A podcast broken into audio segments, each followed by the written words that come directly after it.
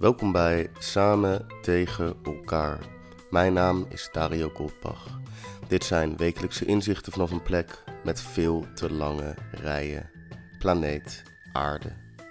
In deze vreemde vakantieperiode heb ik een oud stukje over een vakantie pre-pandemie.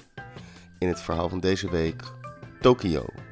Dus, dames en heren, geniet of niet.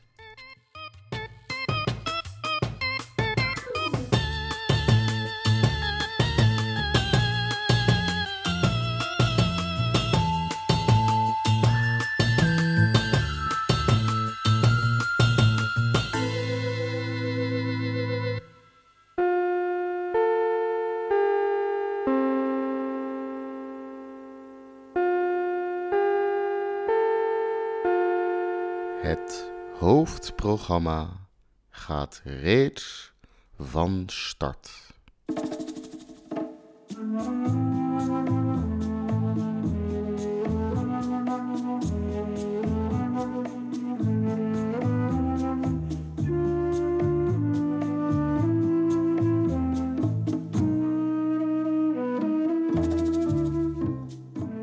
Narita Airport was anders dan ik had verwacht. Geen hypermodern wonder van menselijk kunnen, maar een soort half afgebouwde parkeergarage vol beton en grijs. Ik leerde later dat die verbouwing te maken had met de nu uitgestelde Olympische Spelen en dat de rest van Narita Airport wel een hypermodern wonder van menselijk kunnen was, maar dat terzijde. We waren verschrompelde peertjes na onze reis van een goede 20 uur, die onlogischerwijs via Madrid was gegaan. Er was gedoe met een airline naar aanleiding van wat misleidende advertenties, maar we waren er. In een lange rij in die onafgebouwde parkeergarage. Dit leek enkel de volgende stap in een reeks irritaties wat onze vliegreis was komen te representeren. Maar niets bleek minder waar, want we waren in Tokio. We waren in Tokio. De rij bewoog snel en ik vroeg me af wat zich toch aan het einde zou bevinden. Er stond een mevrouw met een mondkapje ons te wijzen op de rij waar we in stonden. Volledig overbodig, maar toch geruststellend. Ze boog constant naar de mensen die haar passeerden en ondanks het mondkapje zag ik aan haar wangen dat ze glimlachte. Verdwaasd boog ik ongemakkelijk terug en dat speet me daarna direct, want zij boog daarna weer dieper terug en ik weer dieper en voor ik het wist was ik verwikkeld in een buigwedstrijd die ik nooit ging winnen. Ik gaf over en glimlachte. Opeens zag ik het licht aan het eind van de tunnel en daarmee de douanebeambten die de paspoortcontroles uitvoerden. Ze stonden elk naast een machine die het best valt te omschrijven als een soort grote R2D2 met twee schermen. Toen kreeg ik mijn eerste proefje van wat een wederkerend fenomeen zou worden deze reis.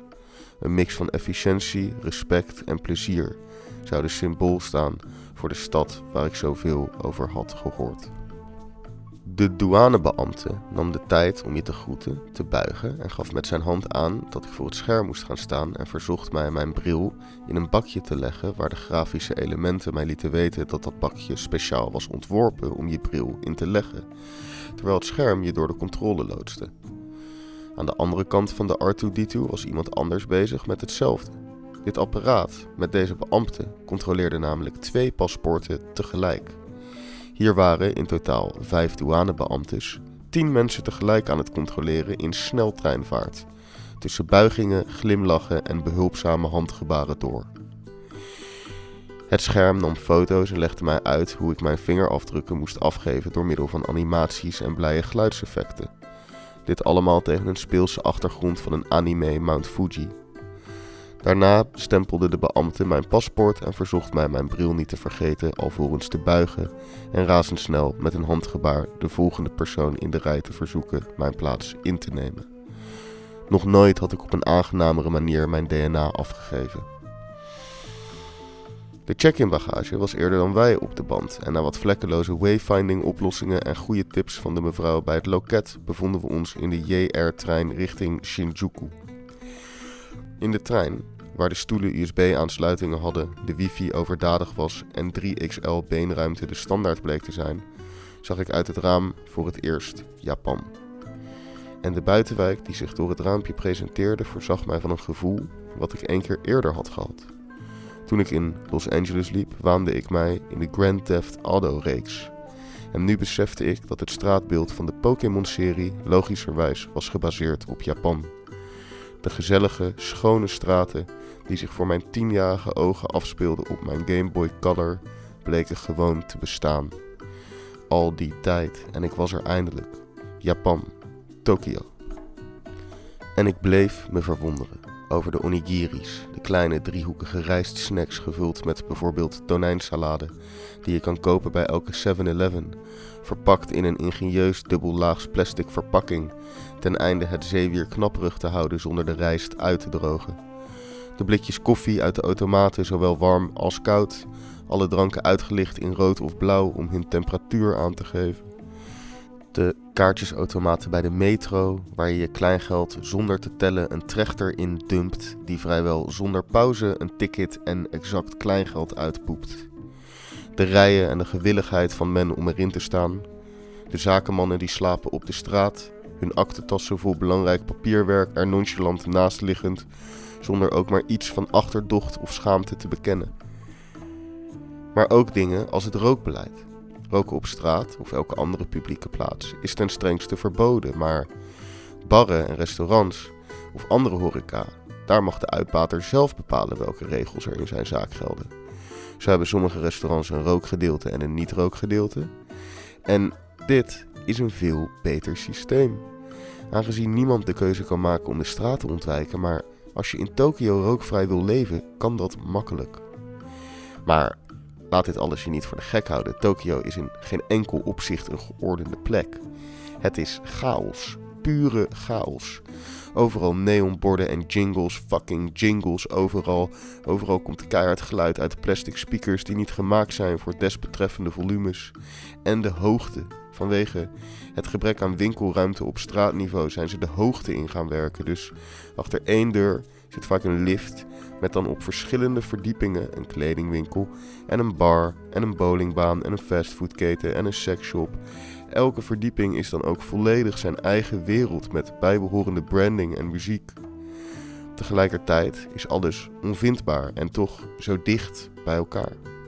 En dan de gigantische gamehallen, overal, waar 24 uur per dag een lawaai uitkomt, wat toch het meest doet denken aan een soort digitale post-apocalyptische steampunk-hel waar jonge Japanners virtueel gehypnotiseerd raken door de ogen van een Formule 1 racer of een rockster of een beestje uit de verschillende Nintendo franchises, waar meisjes in de traditionele schooluniformen zich laten fotograferen onder manga filters in fotoboots, om direct uitgeprint te worden op een stickervel om te plakken op hun oversized smartphones.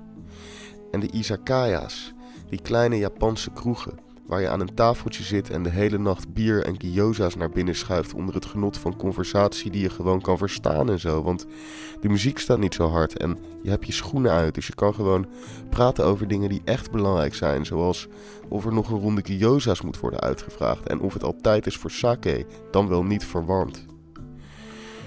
Maar in Tokio, waar miljoenen op miljoenen op miljoenen mensen opgestapeld worden in wolkenkrabbers, zijn de meeste voorzieningen toch gericht op het individu. Het liefst zonder enig menselijk contact. In de meeste restaurants plaats je je bestelling in de hal door briefgeld in een automaat te duwen en grote knoppen met plaatjes van gerechten en drankjes in te drukken. De kleine kaartjes die worden uitgeprint geef je af bij de ingang en dan neem je plaats aan een smal tafeltje tegenover een muur. Je order wordt naar je toegebracht en je kan na het eten weglopen zonder ooit een woord tegen iemand gezegd te hebben. En tegen alle verwachtingen in voelde ik in deze stad aan de voet van de onrealistisch hoekig gevormde Mount Fuji, waarvan ik soms niet geheel geloofde of die zich op onze planeet bevond, helemaal geen culture shock. Ik voelde me op een vreemde manier op mijn plek tussen de mix van chaos en orde waar overbevolking en individualisme zo naadloos naast elkaar leken te bestaan. De culture shock kwam pas bij terugkomst. Bij de rentree in Europa op Helsinki Airport, hoewel die inwisselbaar had kunnen zijn voor elke andere West-Europese airport. In de gigantische rij dramden mensen die hun rolkoffers je enkels inboorden. Hun vieze lichamen flapperden door de aankomsthal. De douanebeambten schreeuwden en de kreetjes van ongeloof, doordrenkt van hun eigen gelijk, klonken op uit de hordes als een groep Scheveningse meeuwen. Na anderhalf uur keek iemand verveeld, veel te lang naar niets in het bijzonder in mijn paspoort. Ik kreeg hem terug met het gevoel dat ik iets fout had gedaan. Mij schamend liep ik door naar de volgende rij. Kon ik mijn vingerafdrukken maar ergens afgeven met het behulp van een robot, een buiging en een paar anime-effectjes. Dan was alles al snel weer beter.